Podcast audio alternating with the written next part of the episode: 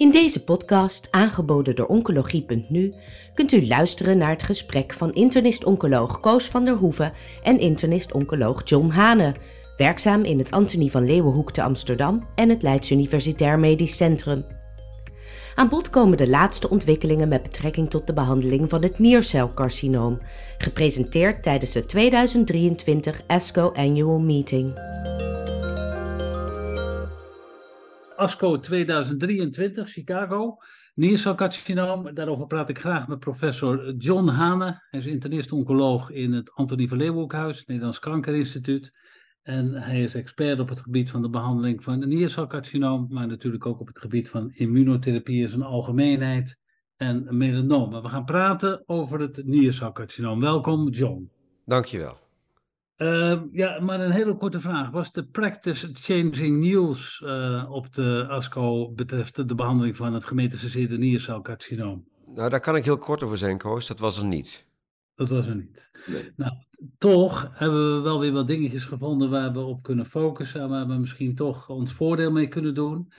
Uh, ik wilde het eerst hebben over het gemetastaseerde niercelcarcinoom en daarna nog wat over adjuvante therapie. Combinaties bij het gemetastaseerde niercelcarcinoom zijn hot, maar wordt dat nou in Nederland ook toegepast? Is, is combinatietherapie met verschillende TKI's of de combinatie van immunotherapie met een TKI, is dat nu standaard of is dan toch nog iets wat, wat zijn plaats moet krijgen? Ik denk dat uh, er zeker in uh, Nederland uh, dit standaard therapie geworden is voor patiënten met een intermediate en poor risk heldercellig niercelcarcinoom in het algemeen. Ja. En daar geven wij in Nederland denk ik vooral veel ipilimumab plus nivolumab voor, dus combinatie immuuntherapie. Maar er zijn ook patiënten bij die de combinatie van een uh, VEGF-remmer uh, met een anti-PD1-middel krijgen. En wie, zoals je weet is uh, pembrolizumab plus axitinib is, een, is in Nederland voor goede zorg. Cabozantinib plus nivolumab is ook voor goede zorg. Dus er zijn in ieder geval twee combinaties waaruit men kan kiezen. Dan komen die presentaties die er waren misschien een klein beetje als, als oud nieuws, maar soms is het toch een update en kan het de, de, de informatie nog wat versterken. En zo was er een, een, een, een, een update van de Keynote 426-studie. En dat was pembrolizumab plus axitinib versus sunitinib bij het gemetastaseerde niercelcarcinoom. Wat kan je daarover zeggen, John? Ja, eigenlijk dat um, met langere follow-up, vijf jaar in dit geval, um, er niet zo heel veel nieuws was ten aanzien van de responskans. Die is nog steeds 60% voor deze groep uh, patiënten. Um, de progressievrije overleving voor de totale populatie was duidelijk beter, significant beter voor uh, de combinatie versus sunitinib.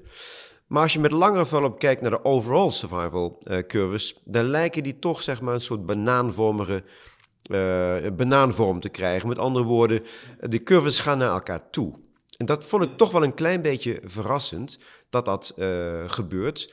Um, en dat, dat geeft je dus de vraag of iedereen inderdaad terecht uh, zo'n behandeling moet, uh, moet gaan krijgen.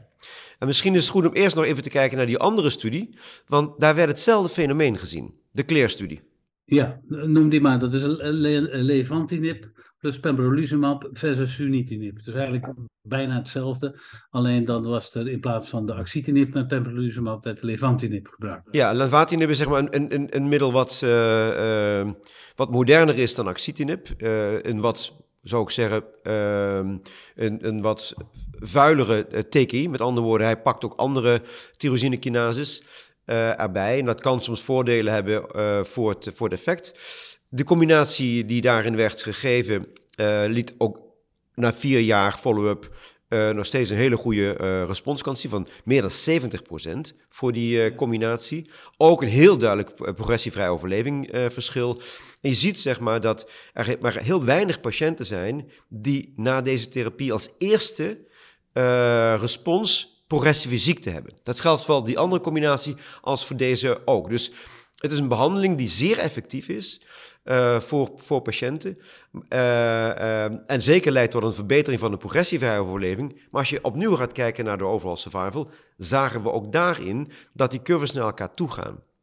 En dus opnieuw de vraag, wie heeft nou baat van die behandeling? En ze hebben daar wel wat subgroepen in, in genoemd. Hè. Hebben, in beide studies hebben ze gekeken naar de favorable risk groepen.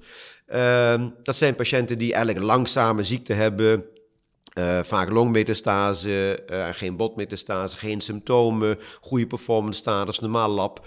Uh, en lange tijd tussen zeg maar, de nefrectomie en het starten van de behandeling, systeembehandeling. En ehm, die groep, als je kijkt naar de overall survival data, is eigenlijk geeft geen voordeel van de combinatie boven sunitinib alleen. Dus voor die groep zou je kunnen zeggen, je hebt die combinatie überhaupt niet nodig. en dan heb je natuurlijk nog een andere groep waarvan je denkt, nou, misschien heb je daar wel die combinatie voor nodig. Dat zijn patiënten die juist heel veel klachten hebben en die, waarvan je denkt van, nou ja, als die niet snelle respons krijgen, dan gaan, dan gaan overlijden ze. Uh, binnenkort. En dus die groep zou mogelijk wel meer baat kunnen hebben van die combinatie, omdat het natuurlijk heel snel werkt. Dus ik vond dat, ik vond dat de discussant, David Brown van, uit Yale, dat heel mooi weergaf dat je je kunt afvragen wie heeft nou die combinatie nodig en wie, en wie niet. Uh, en als je combinatie nodig hebt, wat geef je dan? En ik denk nog steeds dat wij het dan in Nederland best goed doen. Uh, uh, als het zo is, en ik heb die getallen in Nederland niet helemaal paraat, maar in de academische centra denk ik het zeker zo, dat er veel combinatie immuuntherapie wordt gegeven, dus ipilimumab plus nivolumab. Omdat als je daarin kijkt naar de lange follow-up en die overall survival curves, die blijven gewoon uit elkaar en die gaan niet naar elkaar toe. Dus het lijkt toch zeg maar alsof dat anders werkt dan voor die combinatie. Dus je kunt je afvragen, genees je mensen uh, met die combinatie van een TKI en anti-PD1? En het antwoord is misschien wel nee. Helft van de patiënten na twee jaar heeft toch alweer ziekteprogressie. Dus dat is best veel. Ja, ja. Dus je moet daar genuanceerd mee omgaan, denk ik. Ja, zijn deze gegevens nou op, uh, op een gegeven moment in een, in een richtlijn te vatten? Of blijft dat toch een klein beetje het, het klinisch gevoel, het vingerspitsengevoel wat je moet hebben door veel patiënten te zien en uiteindelijk op basis daarvan te besluiten? Ja, je kunt natuurlijk best wel wat, wat richtlijnen uh, maken, maar uh, de patiënt die tegenover je zit, voldoet misschien niet altijd aan alle, alle richtlijnen. Dus ik denk dat het ook voor een belangrijk deel ervaring is met die combinatie en veel patiënten zien. En als je weinig patiënten ziet, dan krijg je dat gewoon door je vingers ja, ja. Um, ja, we hebben het erover gehad dat sommige mensen toch progressief zijn, zowel op de TKI's als op de PD1-blokkade.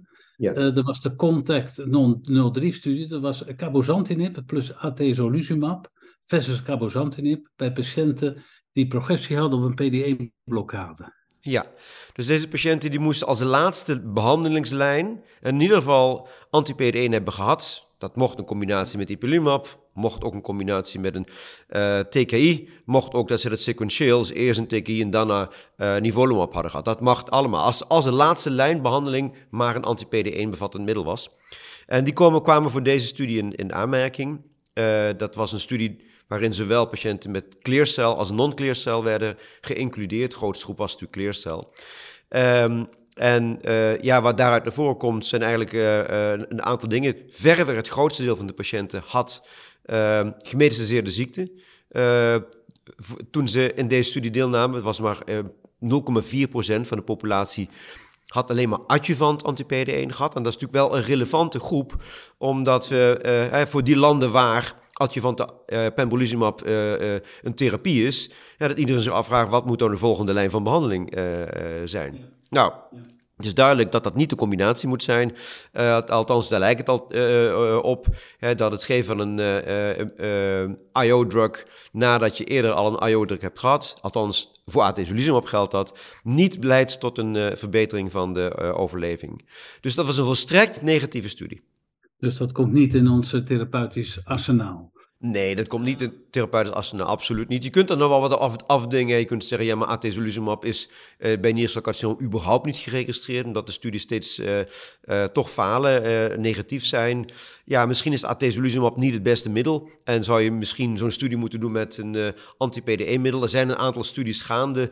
de, een studie waarbij tivo, tivozanib gecombineerd werd met nivolumab. Uh, dan, en vergeleken met tivozanib. Uh, ja, dat, misschien moeten we daarop wachten om te zeggen dat het helemaal zinloos is om te doen.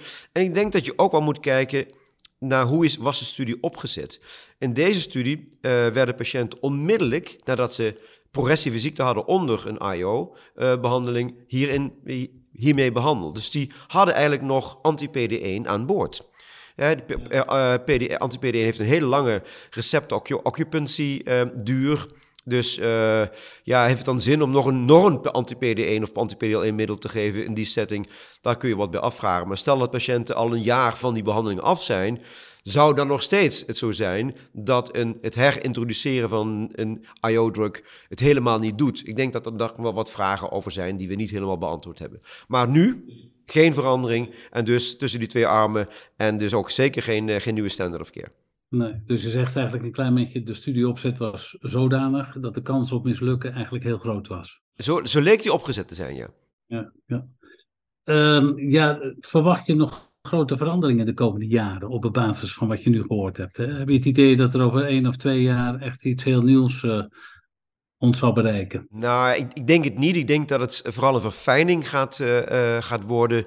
Uh, en ik, uh, een mooie en interessante studie is de Pedigree-studie die opgezet is, waarbij patiënten behandeld worden met combinatie van ipilimumab plus nivolumab. En dan op basis van de respons gekeken wordt hoe je verder moet. Heb je respons op die combinatie, ga je door met maintenance nivolumab. Heb je helemaal geen respons, uh, ben je progressief, dan krijg je cabozantinib. Maar voor de groep waarbij er geen respons, althans en min of meer stabiele ziekte is, zou je kunnen zeggen, die moet je randomiseren tussen het toevoegen van een TKI aan nivolumab versus uh, uh, nivolumab alleen. En ik denk dat je daarmee misschien uh, een beter gevoel krijgt over wat heeft een patiënt eigenlijk nodig uh, aan behandeling. En ik denk dat dat wel een mooie studieopzet is en we kijken allemaal met belangstelling uit naar deze resultaten. Je hebt natuurlijk dan nog het middel Belzutifan, die HIF-2-alpha-remmer, die nu op allerlei manieren uh, uh, wordt ingezet in de adjuvante setting, in de eerste lijn en latere lijnen. Ja, dat middel is überhaupt nog niet geregistreerd, alleen maar voor, voor patiënten met een VHL-syndroom.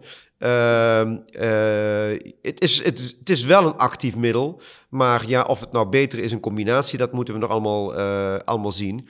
maar voor de rest is er bijzonder weinig nieuws. Ook op het gebied van biomarkeronderzoek is er bijzonder weinig nieuws. En het lijkt wel of dat bij een nierselcarcinoom uh, gewoon niet lukt om daar een goede biomarkers te vinden. Oké, dan gaan we nog even over naar de, de adjuvante therapie, want daar, ja. daar is, zijn we eigenlijk ook niet zo heel erg succesvol uh, in. Nee. Maar de checkmate 914 werd opnieuw besproken, waarbij niveau en ipilimumab versus placebo ja. werd vergeleken bij een hoog risico uh, niercelcarcinoom na een nefrectomie. Ja. Kan je zeggen wat, wat er als hoog risico niercelcarcinoom omschreven werd?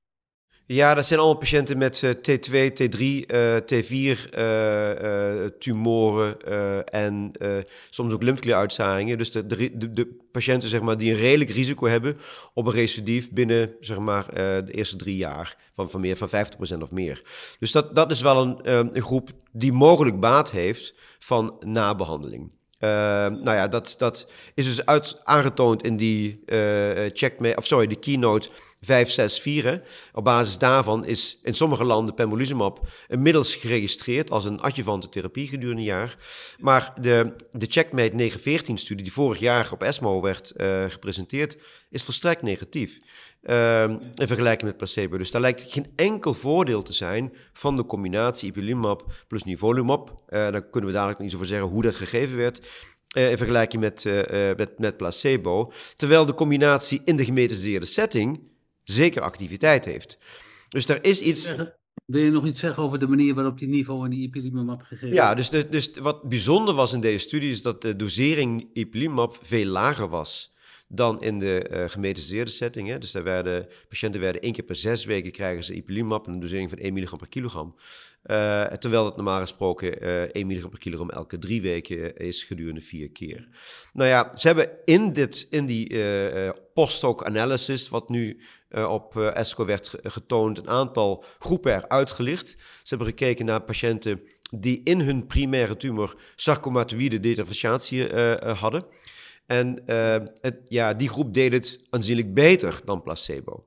Er is dus misschien dus best, wel een subgroep te vinden die juist wel baat heeft van die combinatie. We weten dat ook in de gemetastaseerde setting vooral de sarcomatoïde uh, gedifferentieerde tumoren, niercelcarcinomen het erg goed doen met een hoge complete remissierate op de combinatie ipilimumab plus nivolumab. Dus het is niet helemaal verwonderlijk dat het plaatsvindt. Maar ja, zoals gezegd, het is een post-hoc-analyse uh, en dat is niet prospectief uh, goed uitgezocht. En de tweede, ze hebben nog gekeken zeg maar, of het, uh, hoeveel patiënten uiteindelijk... Uh, ipilimumab hebben gekregen, of dat gedurende korter dan een half jaar was of langer dan een half jaar was, en te zien of daar nog verschillen zat. Dus met vooral de vraagstelling, hebben patiënten wel voldoende ipilimumab gehad? Ja, in, deze, in, dit, in dit schema. En daar zat geen verschil tussen. Dus met andere woorden, uh, ze vinden het minder waarschijnlijk dat uh, een tekort aan ipilimumab was. Ik denk dat je dat niet kunt zeggen, omdat het misschien ook wat te maken heeft met hoe je het, het schema gebruikt. En het schema van één keer per zes weken is beduidend anders dan bij één keer per drie weken. Dus ik weet niet zeker of dat zo echt zo is. Maar in ieder geval, dit is geen reden om deze combinatie te overwegen. Nee, zeker niet. Die sarcomateuze groep, sarcomato sarcomatoïde groep, ja. hoeveel procent is dat ongeveer van de niercelcarcinoom? Wow, ik denk dat er ongeveer uh, 10 tot 20 procent van de patiënten heeft dat. Ja. Ja. Als we het nou samenvatten, alles wat er op dit moment bekend is over de adjuvante therapie, en dan doen we het even afgezien van de vergoedingsstatus in Nederland. Voor welke patiënten zou jij dan na een nefrectomie uh, adjuvante therapie willen overwegen? Ja, dat zou dan hooguit zijn voor patiënten met een heel hoog risico, of die eigenlijk al een uh, resectie hebben gehad van een, uh, van één of uh, een, een, een, metastase. Hè. Dat zijn de patiënten zeg maar, die dan misschien er het meest baat bij hebben. Uh, maar die vroege patiënten, die T2-tumoren, die moet je waarschijnlijk helemaal niet meer behandelen. Ik denk dat, dat we eigenlijk ook moeten wachten op de andere armen, de checkmate 914, waarbij nivolumab werd vergeleken met placebo. We hebben natuurlijk nu de Emotion 010-studie, was negatief. De uh, resultaten van de checkmate 914-studie voor ipilimumab plus nivolumab versus placebo was negatief.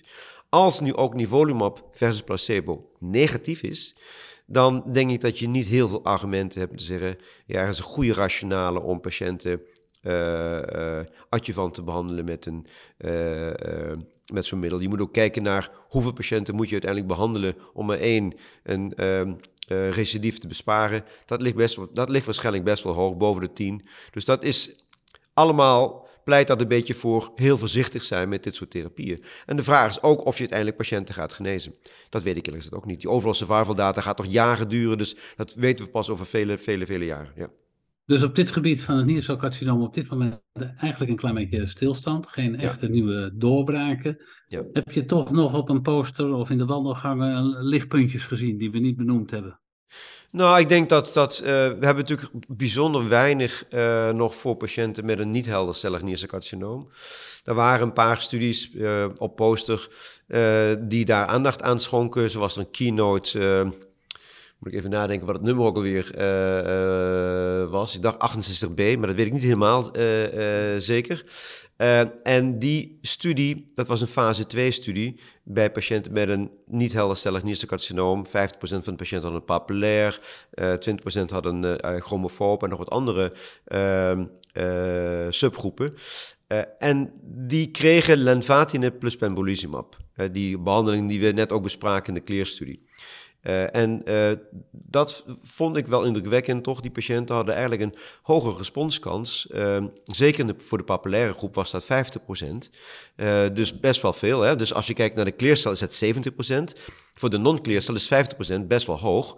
Ehm, met ook best wel een langdurige uh, tijd tot progressie, uh, duur van de respons. En zelfs de chromofoben, waar we heel weinig voor hebben, hadden, lieten nog iets van een 30% responskans uh, zien. Dat vond ik wel, ja, eigenlijk wel goed, goed nieuws. Vorig jaar hadden we al data gezien van cabozantinib in die volume bij deze groep. Dat eigenlijk ook wel heel erg uh, goed afstak, zeg maar. Dus ik, ik vond, ik, je ziet zeg maar dat ook voor de non-clear cells er nu langzaam wel wat begint te komen. En ik denk dat dat voor die populatie heel fijn is.